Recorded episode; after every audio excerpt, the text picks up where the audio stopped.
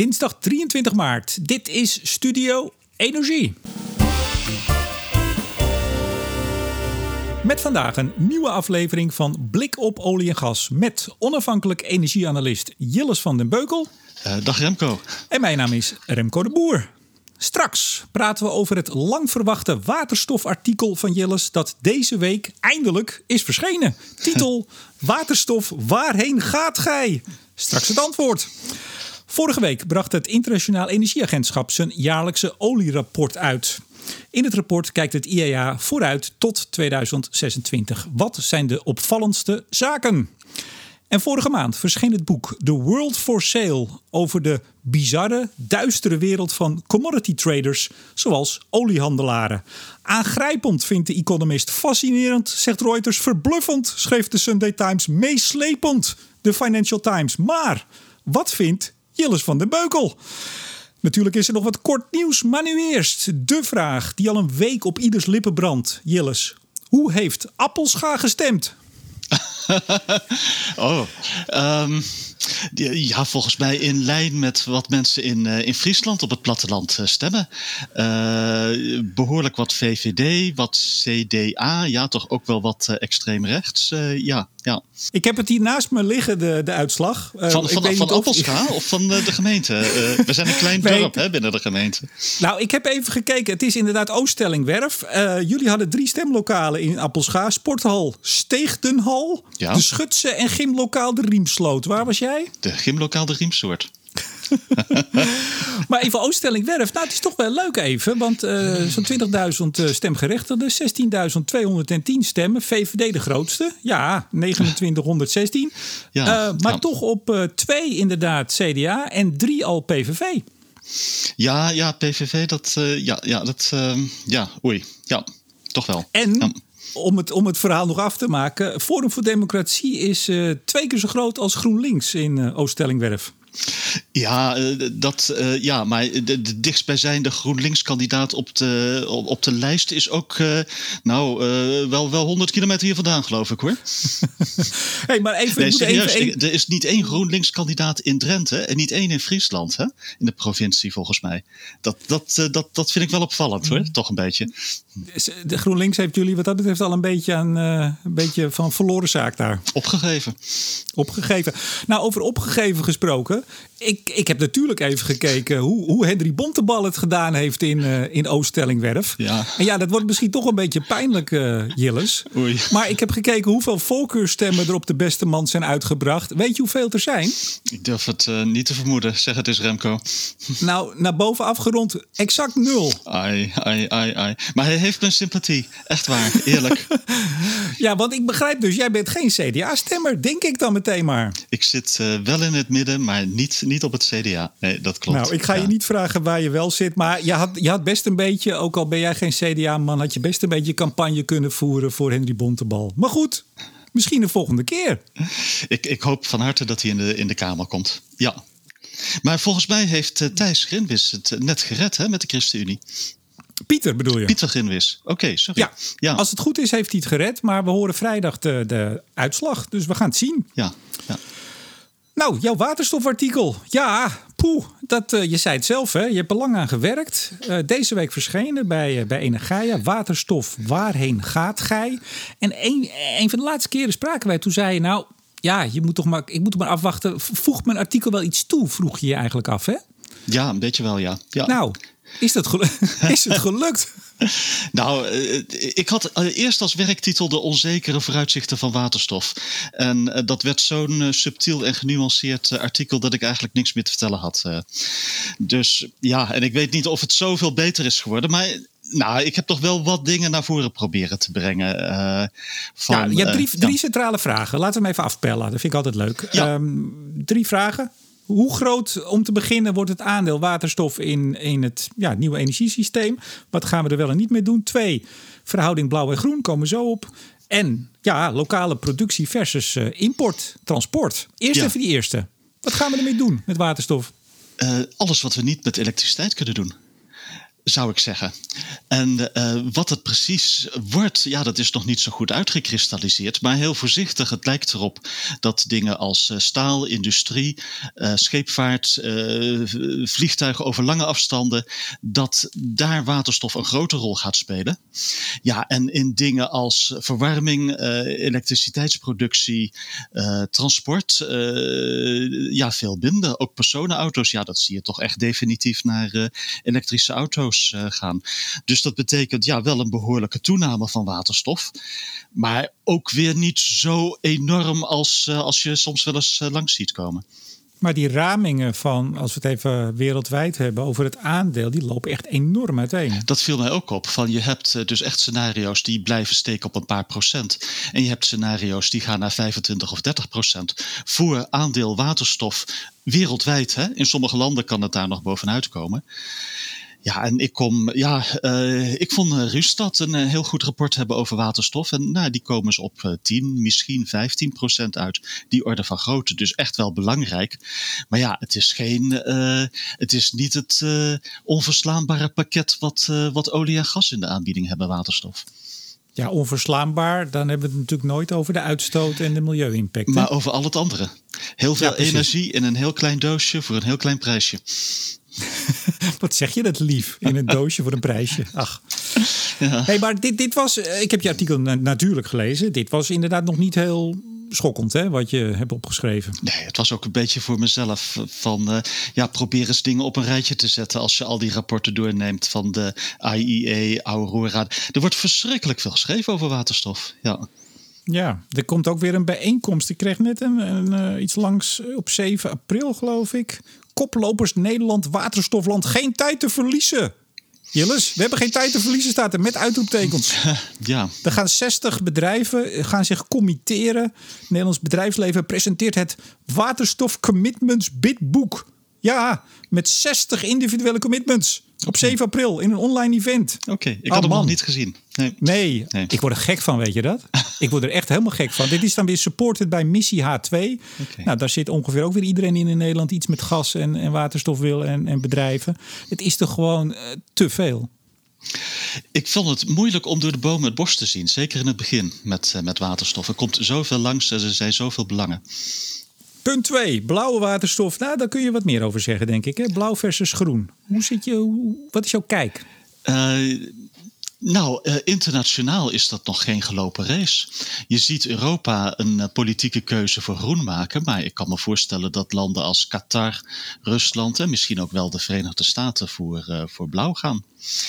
Ja, en ook in Europa, in Nederland, ja, ik, eh, ik, ik, ik denk dat ze beide steun verdienen, maar eh, wel met een kanttekening bij. Ze hebben heel verschillende rollen. Groene waterstof is ja, post 2030. En als je dat nu doet, heeft dat ook best steun nodig. Maar dan is het toch vooral om de kosten van electrolyzers naar beneden te brengen. Gaan ze maar heel veel bouwen en dan worden ze echt wel goedkoper. Maar op dit moment ja, is, is, is het blauwe waterstof wat de manier is om emissies snel naar beneden te krijgen. En, uh, en de waterstofeconomie een beetje op gang te krijgen. Dus ik ben een fan van beide. Toch wel. Met alle moeilijkheden die waterstof heeft. Maar klopt het dat ik in jouw stuk een beetje twee kanten zie? Want aan de ene kant zeg je, inderdaad, die electrolyzers ja, daar, daar, heeft Nederland natuurlijk niet de voorsprong. Sterker nog, uh, zelfs Duitsland heeft het al moeilijk eh, om dat, het uh, dat, tegen China op te nemen. Maar tegelijk zeg je ook, misschien moet Nederland nou niet, net als bij zon- en windopschaling, Duitsland de kool uit het vuur laten halen en moeten we toch meedoen. Het is wel zo netjes. Eigenlijk vind ik als je nu groene waterstof uh, steunt, is dat een lange termijn investering om electrolyzers goedkoper te maken.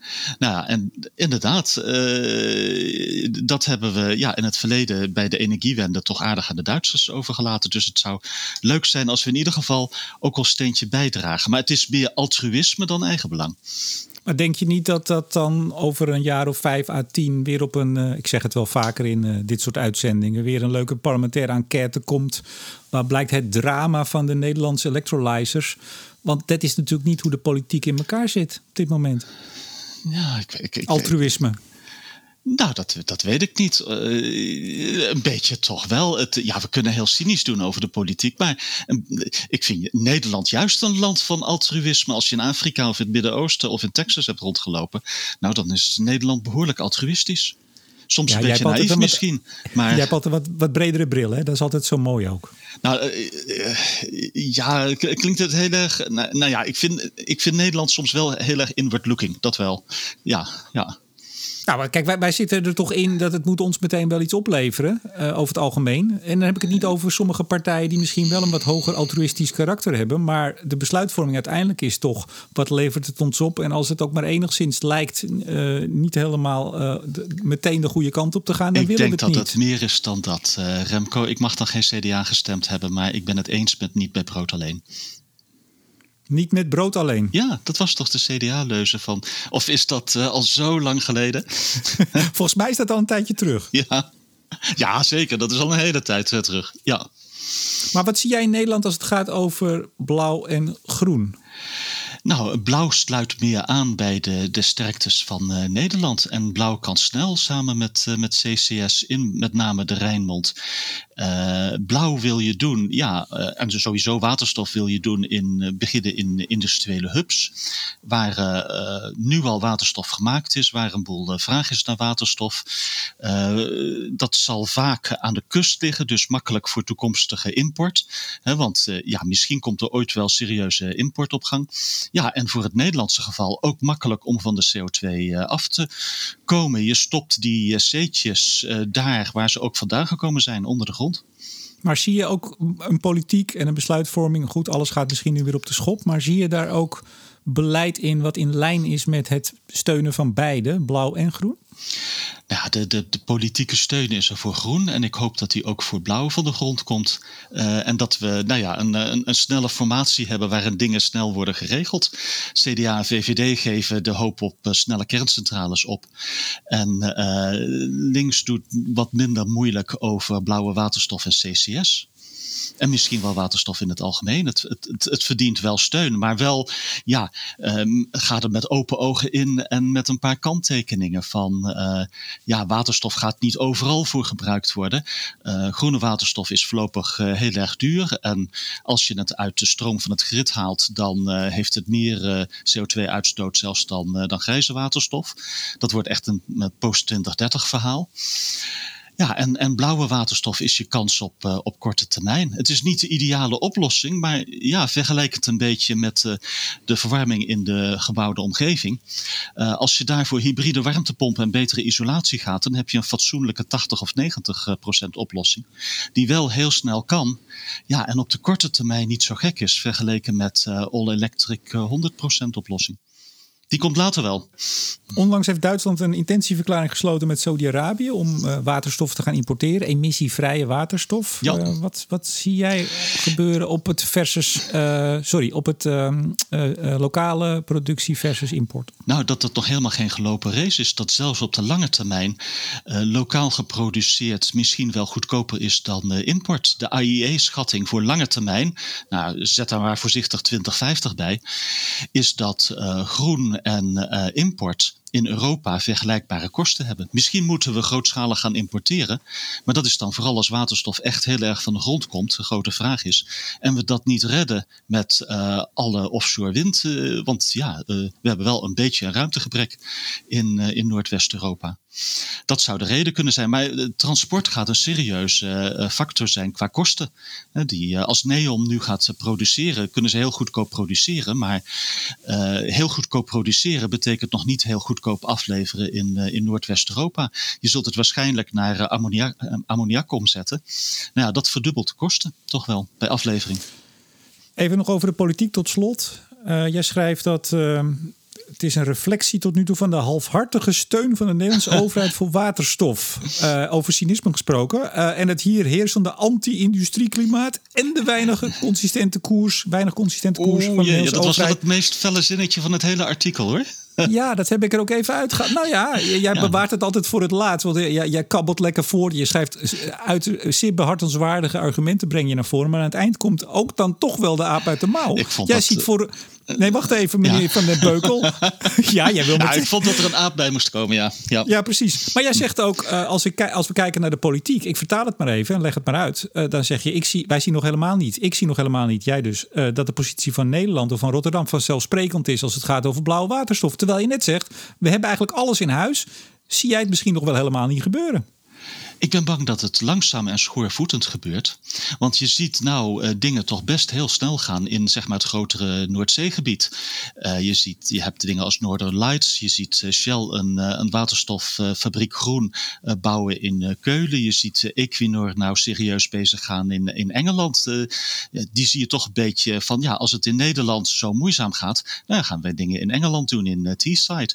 BP heeft plannen voor de grootste blauwe waterstoffabriek in Engeland uh, nu uh, recent uh, geformuleerd. Dingen gaan wel snel. Bedrijven willen hier echt achteraan. En, en hoe snel dingen in Nederland gaan, ja, vraag ik me wel een beetje af. Daar ben ik wel een beetje benauwd voor. Maar zoals wij in Nederland hier ook altijd uh, voortdurend aankondigingen, nou het is nu even wat minder, maar aankondigingen hadden van weer een waterstoffabriek en weer een electrolyzer en weer dit en weer dat. Hoe ver zijn die plannen die jij nu net opnoemt? Even één voor één. Die Shell-fabriek in, uh, in Keulen. Nou, een uh, beetje voorbehoud wat uit mijn hoofd uh, heeft die, is die ge-FID'd. Heeft hij zijn investment decision, voor zover ik weet. Ja. En die, en die plannen in Engeland van BP en Equinor? Dat is uh, langere termijn vergelijkbaar schedule 2024 of zo. Vergelijkbaar met het Nederlandse tijdschema. Maar Noorwegen, Northern Lights, gaat, uh, gaat snel nu. Hè? Die hebben uh, niet alleen investment decision genomen, die hebben een uh, development plan goedgekeurd gekregen door de Noorse overheid. Dat is echt go. En daar stopt Noorwegen heel veel geld in. Ja, en je zei Equinor, dat zijn de Noren voor de luisteraars die nieuw inschakelen. Je zegt die kijken nu ook inderdaad buiten Noorwegen, hè? Verenigd Koninkrijk, Nederland. Maar zie jij daar al een, een dat ze voorsorteren op een van de twee? Of hebben ze nog wel Nederland en Groot-Brittannië nou, op hetzelfde hoogte staan? Ik denk dat ze openstaan voor uh, iedereen, maar dat ze wel een vergelijking maken. Waar is de beste business case? En uh, ja, tot nu toe zie je de geldstromen naar waterstof en, en CCS in Nederland niet zo enorm hoog als je dat vergelijkt met Noorwegen bijvoorbeeld. Maar als jij nou, jij kijkt wereldwijd, -hmm. meneer Van den Beukel. Als je nou kijkt naar Noorwegen, hoe men daar sowieso de afgelopen decennia heeft geopereerd. Als het gaat over politieke besluitvorming. En dus ook projecten van de grond krijgen. Of niet. Je kijkt naar Groot-Brittannië. Hoe zij hun uitstoot naar beneden brengen. En je kijkt naar Nederland. Je kijkt naar die drie landen. Heb je, ben jij dan hoopvol over Nederland als het gaat over voorop lopen en inderdaad voorop in blauwe waterstof, straks import, leidingnet, backbone, noem maar op? Ik heb een klein hoopje dat er na de formatie ineens uh, grote stappen worden gezet. Maar ik ben er niet, uh, niet zeker van. Uh, ooit was Nederland een land waar, heel, waar dingen heel snel gingen. Gasgebouw. en, en nu lijkt Nederland soms toch een beetje verlamming te hebben in, in sommige dingen. Van dingen gaan, gaan, gaan langzaam. heel veel is omstreden. Heel veel wordt er tegengehouden.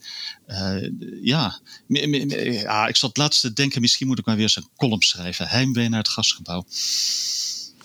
Nou ja, in ieder geval op 7 april, ik zei het net al, uh, komt er een Koplopers Nederland waterstoflandbijeenkomst met commitments en een bidboek en geen tijd te verliezen, uitroepteken. Ja, maar ik bedoel, ja, ik word daar wel wat cynisch van. Want je ziet aan de ene kant, jij beschrijft het perfect in je artikel, uh, hoe de wereldwijde ontwikkelingen zijn. Je ziet hoe Nederland, nou ja, laten we het dan maar netjes zeggen, nog niet zo vlot gaat.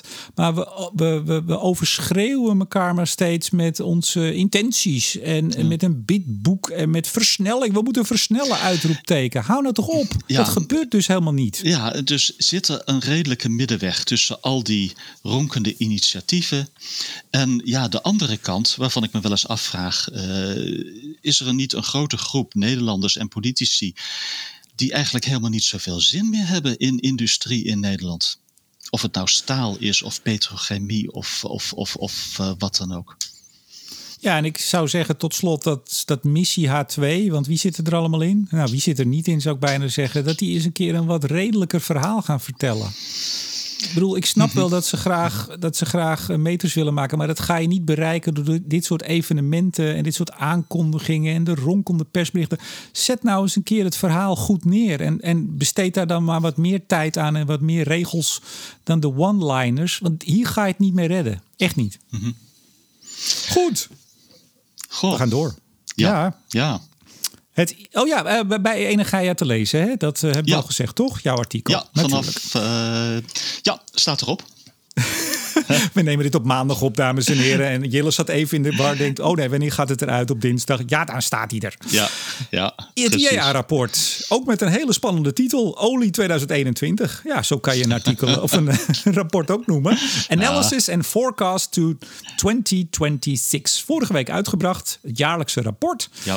Nou, wat is jou het meest opgevallen, Jilles? Nou, wat me het meest opviel is dat hun eh, verwachting voor de olievraag, eh mid-case verwachting, is eh, 104 miljoen vaten per dag in, over vijf jaar in 2026. Eh, en dat is toch wel eh, erg veel. Ze zeggen van nou, het duurt echt een tijd voordat we bijkomen van corona. Eh 2023 eh, bereiken we pas de olievraag eh, uit 2019 voor corona. Maar dan groeit het door als we, eh, als we niet echt dingen veranderen naar eh, 104 miljoen vaten. Eh, per dag in eh, 2026. En ja, dat is voor een groot deel een, eh, een Azië- en, eh, China-verhaal. En nou ja, als je dat vergelijkt met wat is er nodig voor anderhalf of twee graden. Nou, voor twee graden Sustainable Development Scenario in IEA speak moet je op 98 zitten. En voor, eh, voor anderhalf nog veel minder, net boven de 90. Nou ja, laten we het niet over anderhalf hebben. Maar zelfs eh, voor twee is er ja, toch echt een, een, snelle en vrij radicale verandering nodig van, eh, van, eh, van, eh, van politics. En ze, ze, ze, ze noemen een heel lijstje op van dingen die zouden moeten gebeuren om nog een beetje in de buurt van 2 graden te komen. op het pad van 2 graden in 2026 qua olievraag, hè, wat natuurlijk maar één element is. Ja, en dan komen ze met een hele lijst van dat van de mensen die op afstand kunnen werken, dat de helft dat ook daadwerkelijk gaat doen. Dat er eh, meer eh, eh, efficiëntie komt, bijvoorbeeld dat er snel een eind wordt gemaakt aan SUV's. Dat air travel toch met de helft verminderd wordt voor zakenreizen. En niet zoveel, maar ook substantieel voor toerisme.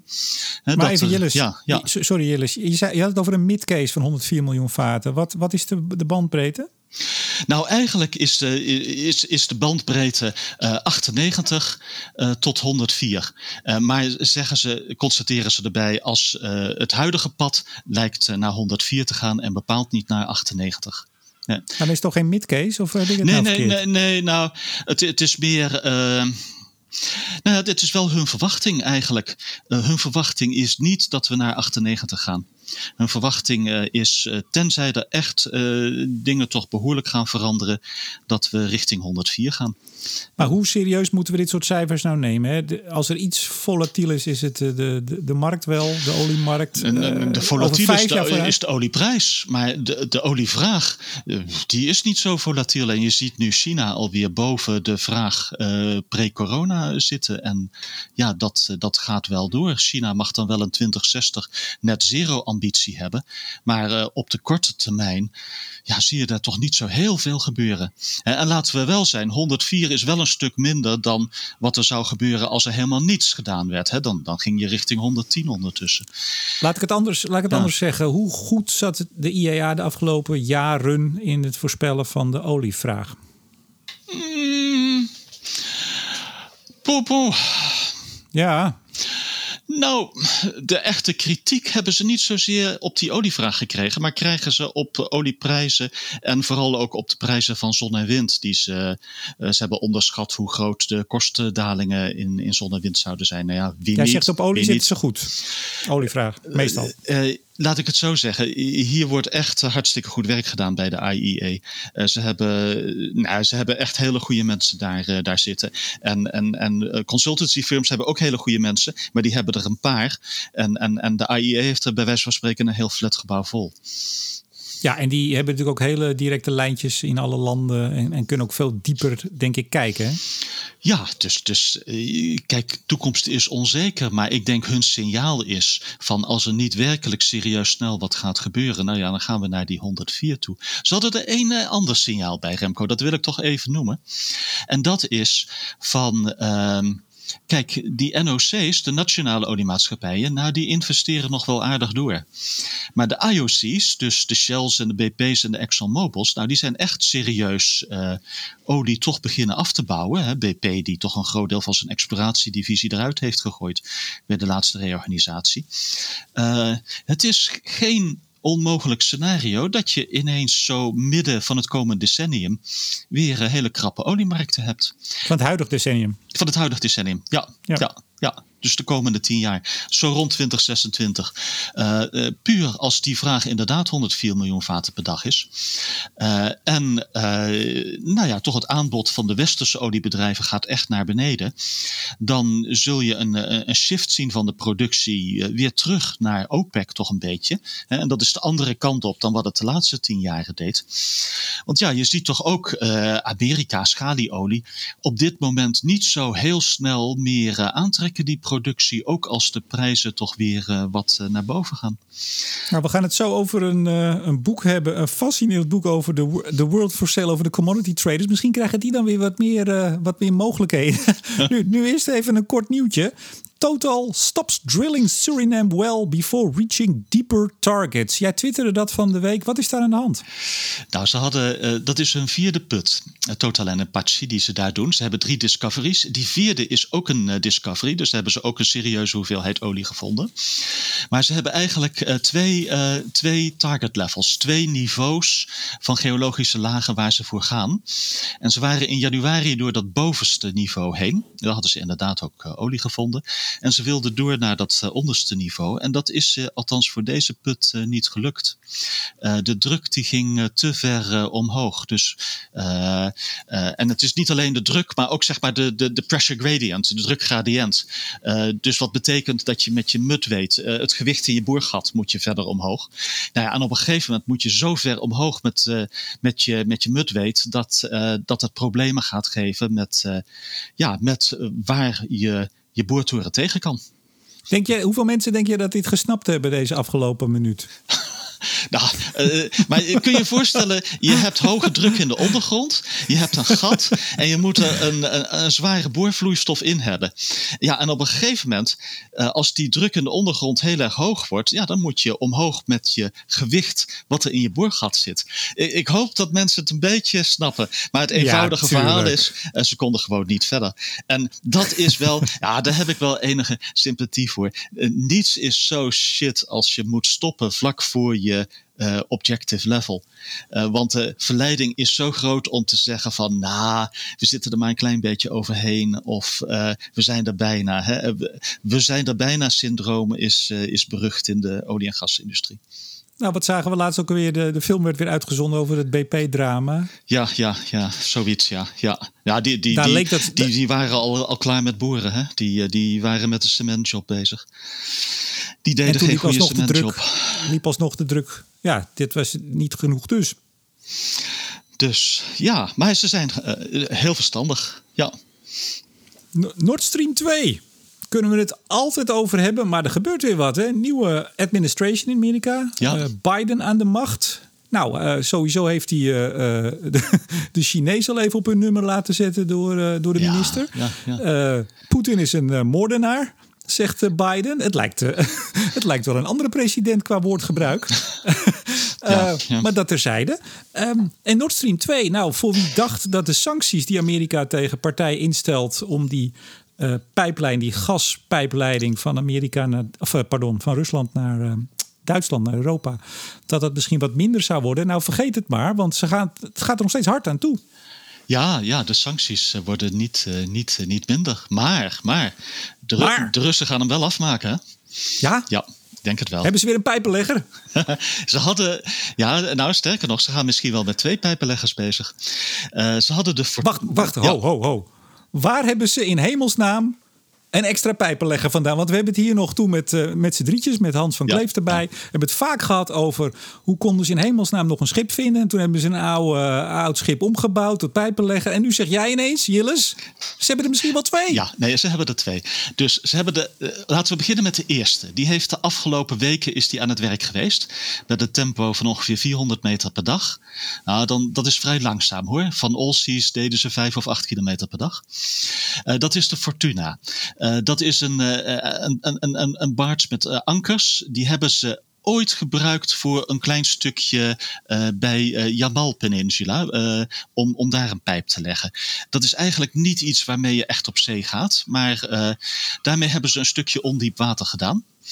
Nou ja, en dat, uh, dat werkt. En het lijkt er nu op dat de andere pijpenlegger die ze hebben, dat is degene die ze helemaal vanuit uh, de uh, Oost-Siberië, Vladivostok, de wereld omvoeren naar, naar de Oostzee, dat die nu toch ook bezig gaat. die heeft twee maanden in Kaliningrad gelegen. ja, daar hoor je verder niets over. De Russen die zeggen daar niks over. Maar wat je reconstrueert is, nou, die hebben ze een upgrade gegeven. of dat een een, een, een, een, kraan is die meer gewicht aan kan. Of uh, het pijpleggen gedeelte wat een grotere diameter pijp uh, aan kan. Je moet aan dat soort dingen denken. Die is weer uitgevaren en die gaat nou uh, sea trials doen. Dus die gaan ze testen om te kijken of het lukt om daar ook pijp mee te leggen. En dan zou die mogelijk vanaf rond 1 april het, uh, het dieperwaterstuk gaan doen. Maar beetje bij beetje, uh, het gaat moeizaam. Het kost ze verschrikkelijk veel moeite, maar ze lijken er wel te komen. Ja. Maar die, die sancties nog even, want ik hoor de hele tijd um, in heel stevige bewoordingen vanuit de Verenigde Staten dat er sancties zijn, dat ze er komen, dat ze nog strenger worden. Maar er zijn toch nog ook wel niet-Russische bedrijven bij betrokken, of niet? Nou, eigenlijk alleen een, een, een Duitse haven. Verder niet. Ze, ze doen echt wel uh, vrijwel alles zelf, de Russen. Daarom gaat het ook zo langzaam.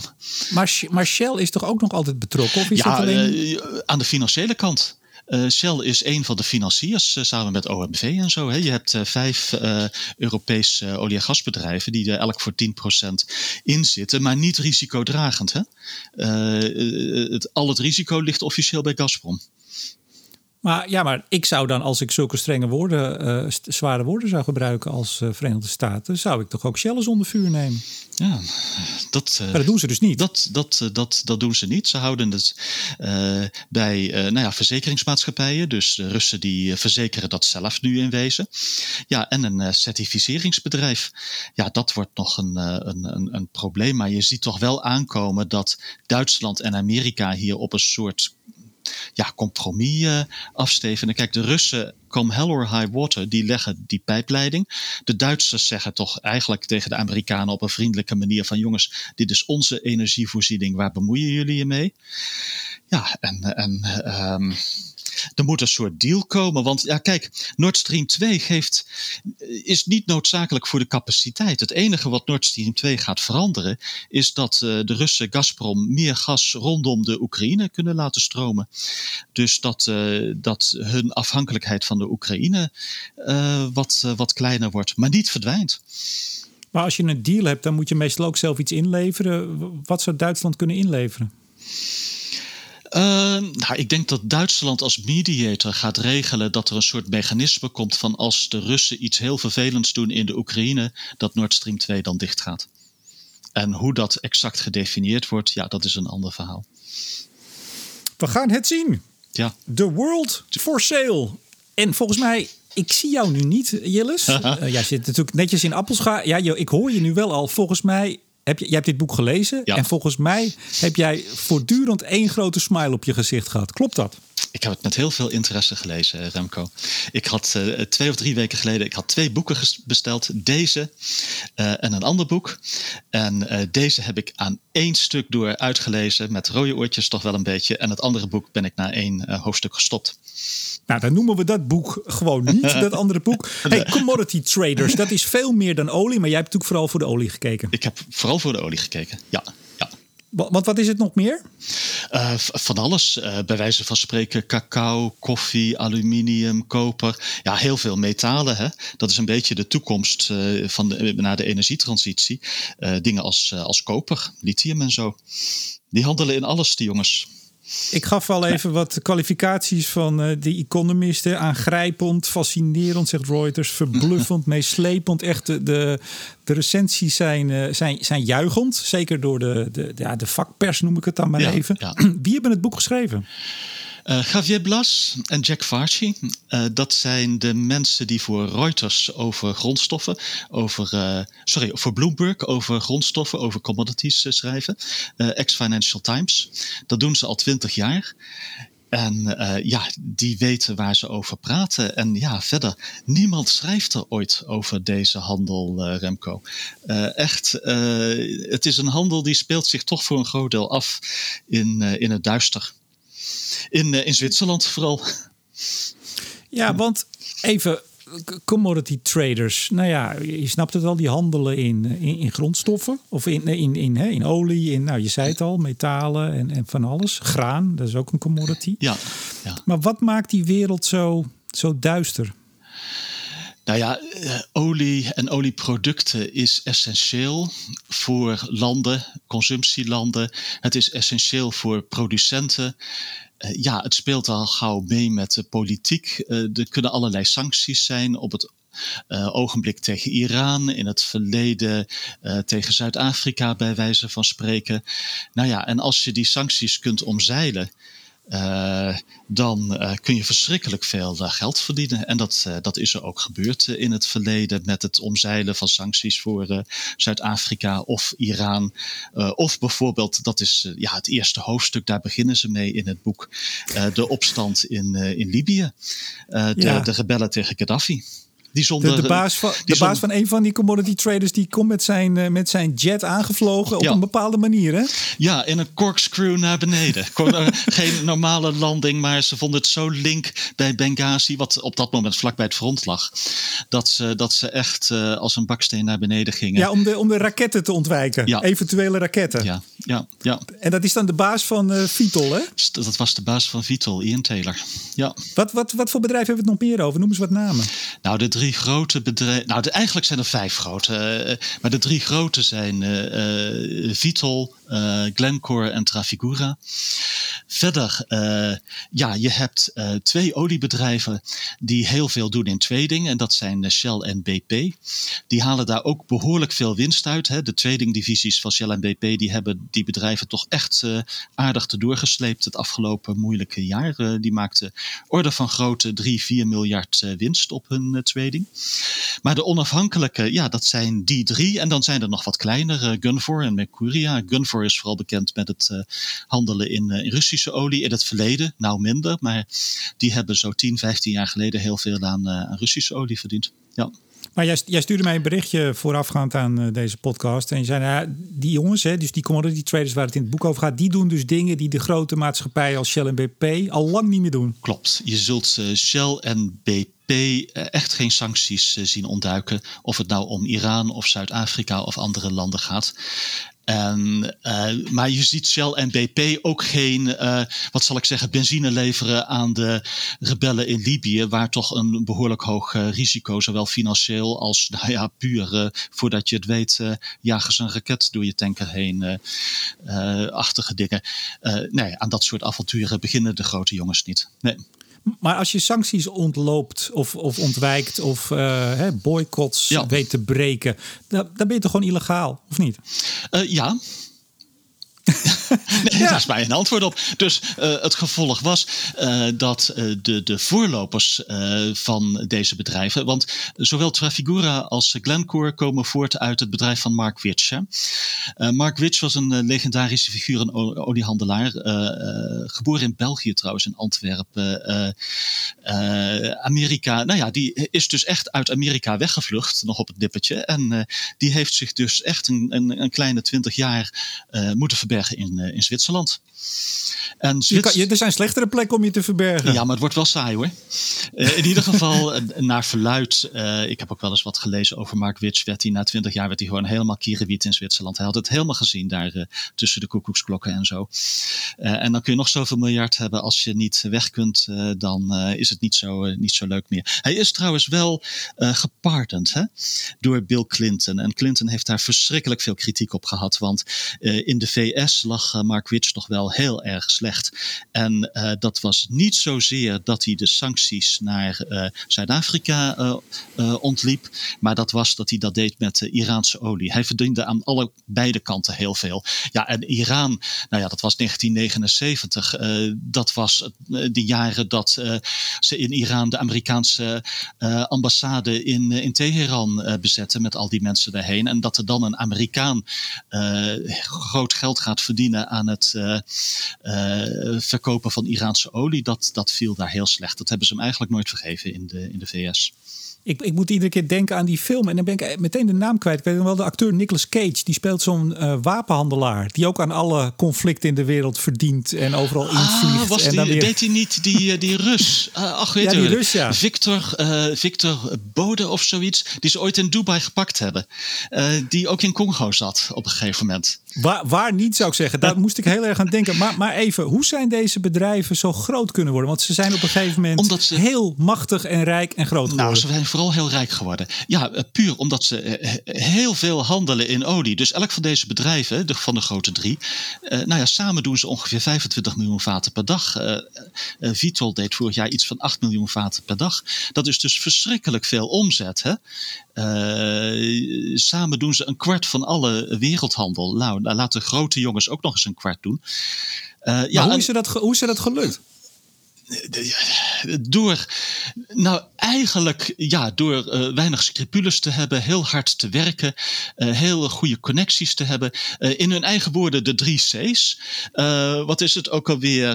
charm, commitment en, oh, wat was de derde C? Stond voor geld in ieder geval. Cor geen corruptie. Oh, voor je Remco. Wat? De, deze jongens die, die doen het commitment en een financiële aanmoediging. Laten we het daarop wacht, houden. Wacht, wacht even, ja. Jillis. Deze jongens, die, die, ja. die, die, kopen niet om? Nou, dat was dus het grappige van Zwitserland. Hè? Daar, daar was het uh, toegestaan om in andere landen om te kopen. Dat noemden ze geen omkoping, maar uh, financiële, ik weet het niet. Uh, daar hadden ze een naam Corruptie. voor. Nee, nee, nee, natuurlijk niet. Ach, ehm, hoe noemden ze dat ook alweer? nou ja, in ieder geval een soort financiële aanbod. Maar, maar even, ja. Jillis, ja. als ik het goed... Ik heb het boek niet gelezen. Ik heb er wel over gelezen. Maar ik begrijp dat deze jongens ook vooral zo... ik bedoel steeds met groot, bedoel ik ook in omvang hè, en in geld, et cetera. en in belang instort de Sovjet-Unie onder meer. Een aantal structuren die de decennia daarvoor in, intact waren, die begonnen te, te vallen en af te breken. En daar zijn die jongens ingestapt. Ja, nou wat, wat, wat Gunvor deed, was uh, goedkope olie van een Russisch oliebedrijf uh, opkopen. en hoe ze daar goedkoop aankwamen, nou ja, dan moet je maar wat bij bedenken. En dat duur verkopen in de westerse wereld. En de, de winst die deelden ze met een, met een stel Russische. En nou ja, er zijn jongens als Abramovic ook heel, eh, heel rijk aan, eh, aan geworden. Ja. Ik geloof dat ik dit nog wel mag zeggen hoor. De Economist die schreef dat ooit. En die hebben heel veel geld moeten uitgeven aan uh, rechtszaken daarover. Ja, en ik stelde net alleen maar een vraag, dames en heren. Voor het geval juristen luisteren. Ik vroeg een vraag. Was het niet corruptie? En toen zei jij nee. Dus het was geen corruptie. Zo, dat hebben we dan nou, weer het, het, het mocht in Zwitserland. Het mocht in Zwitserland. Maar, maar, to, maar to, toch even, Jillis. Want ja. wij, wij, ja, maar kijk, uh, dat, dat, zie je dus nu veranderen. Daar komen ze niet meer mee weg.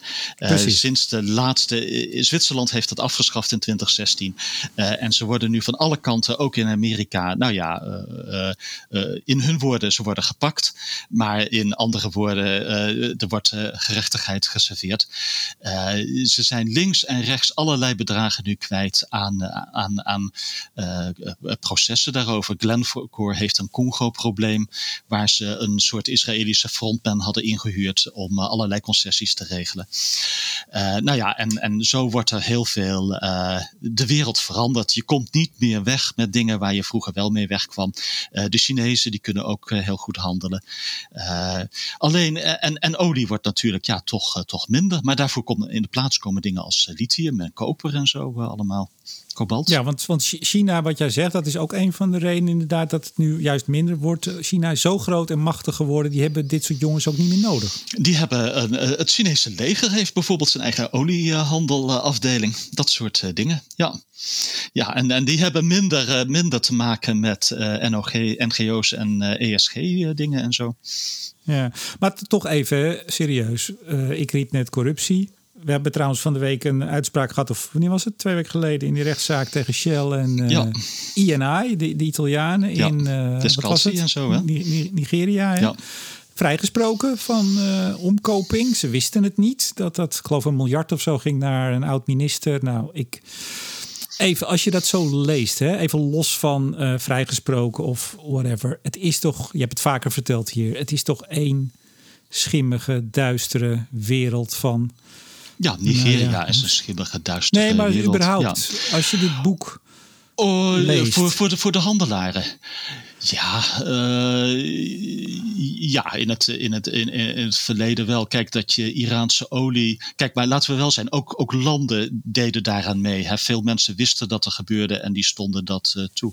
Hè, dat uh, ze benzine leverden aan de rebellen tegen Gaddafi. Nou, dat werd uiteindelijk allemaal oogluikend toegestaan door de Engelsen en de Fransen. en, en die Iraniërs die wisten ook heus wel dat hun olie niet allemaal naar Burundi ging of all places. Maar betekent het ook dat dit een soort evil, een soort kwaad is, uh, die altijd in de wereld heeft bestaan en altijd zal blijven bestaan? Of was dit nou, toch misschien een worden we, gaan we echt wel naar een nettere wereld toe. Uh, met, uh, met nou ja, toch waarin we dingen netter doen. Uh, zeker in Nederland wel. Je ziet toch een jongere generatie, klimaat, uh, omgeving, environment. Het neemt allemaal een, uh, een grotere rol in. Zelfs, zelfs Jillis heeft daar wel enige sympathie voor. Ja, jij, jij hebt ook kinderen die... ja, die bij geduchte oren wassen. Precies. Ja. ja, je moet. Word jij nu ook onder schot gehouden op dit moment, terwijl we dit opnemen? nee, nee, maar daar heb je natuurlijk wel thuis soms discussies uh, over. Ja, en, en ja, voor, nou ja, voor mijn kinderen, ja, die hebben wel wat meegekregen. Die woonden ooit bovenop een olieveld. Die hoorden de, de olie door de flowlines klotsen. En dan legde ik ze uit wat dat, wat dat was en zo. ja. En dat papa daar zijn geld mee verdiende? Nee, dat voegde ik er eigenlijk niet aan toe. Maar dat is voor kinderen vanzelfsprekend dat papa geld verdient. Joh. Ja, nou ja, la, la, laten we het hopen. Hè? Laten we het hopen. Want dit is dan zo'n boek wat nogmaals lyrisch wordt besproken in, in alle kranten. En jij zei al, rode oortjes. Hè? En het, het, er stond al ergens van, nou, de, de twee auteurs die kunnen wel Hollywood uh, verwachten als de deal al niet gemaakt is voor een film. Want hier, dit is het, de uh, stuff that uh, movies are made of. Ja. Maar het is natuurlijk wel heel diep treurig als, als je ziet. Nogmaals, ik heb het boek nog niet eens gelezen, maar alleen al de, de verhalen eruit. Ja, dat is wel de, de hardste, vuigste uh, handel. Remco, mijn hoofd zegt: Je hebt volledig gelijk. Maar in mijn hart zit nog een klein overblijfsel van de Jilles van 20 jaar geleden. Die er alles, maar dan ook alles voor over had om een, uh, om een olieveldje ergens te vinden. Nou, dat is wel. Oh, dat, jee. Dat, toch... dat is wel uh, hard om dat te zeggen zo in Nederland tegenwoordig. Dat soort dingen zeg ik nooit meer. Oei. Nou ja, dat is ook het mooie van, uh, van deze podcast, denk ik. Dat jij altijd heel eerlijk en open bent over hoe het nu staat. En over hoe je er toen tegenaan kijkt, uh, keek en hoe je er nu tegenaan kijkt. Ik vind het alleen maar mooi en uh, goed dat je zo openhartig bent. En je zal inderdaad wel weer wat kritiek krijgen. Goed, vooruitblik. Heb jij wat leuks? Ik ben klaar met dat verrekte waterstofpeper. nee, ik, ik zat te denken, wat, wat next? Ja, leveringszekerheid van gas in uh, Nederland. Lange termijnscontracten zou ik wel wat over willen schrijven. En gasopslagen. En ik doe wat voor HCSS. Ik zou ooit wat over China willen schrijven. Maar ik heb niet iets concreets waar ik morgen aan wil beginnen. Nou, ik ook niet, behalve dan natuurlijk uh, het boek. En toevallig ben ik deze week en vorige week en deze week bezig met het hoofdstuk over, je had het net over leveringszekerheid. Nee, wat zei je nou net? Over aardgas? Ja, hè? Uh, contracten. Ja, lange termijn contracten. Lange termijn contracten. Ja, ik, ik ben, het is natuurlijk een fascinerend onderdeel uh, van onze transitie. Hoe de afgelopen jaren men bij, in gemeentes, provincies uh, fossielvrij werd. Aardgasvrij, nee tegen de winning terwijl ons, uh, ons gebruik nog altijd niet echt afneemt. Ik vind het een, een, fascinerend om te zien hoe uh, op, ja, op lokaal niveau in zo'n gemeenteraad. En hoe dat uiteindelijk ook uh, doorcijpelt natuurlijk naar Den Haag. Dat we eigenlijk zeggen, ja, we gebruiken er nog wel 40 miljard kuub, maar we willen het eigenlijk we willen het niet meer winnen. Ja, dat is. Ja. tja. Cognitieve dissonantie, dat speelt hier volgens mij ook een rol bij. Nou, dat was hem dan, hè? Ja, dat was hem. Tot zover deze aflevering van Blik op olie en gas met onafhankelijk energieanalist Jilles van den Beukel. Tot de volgende keer. En mijn naam is Remco de Boer. Graag inderdaad tot een volgende keer.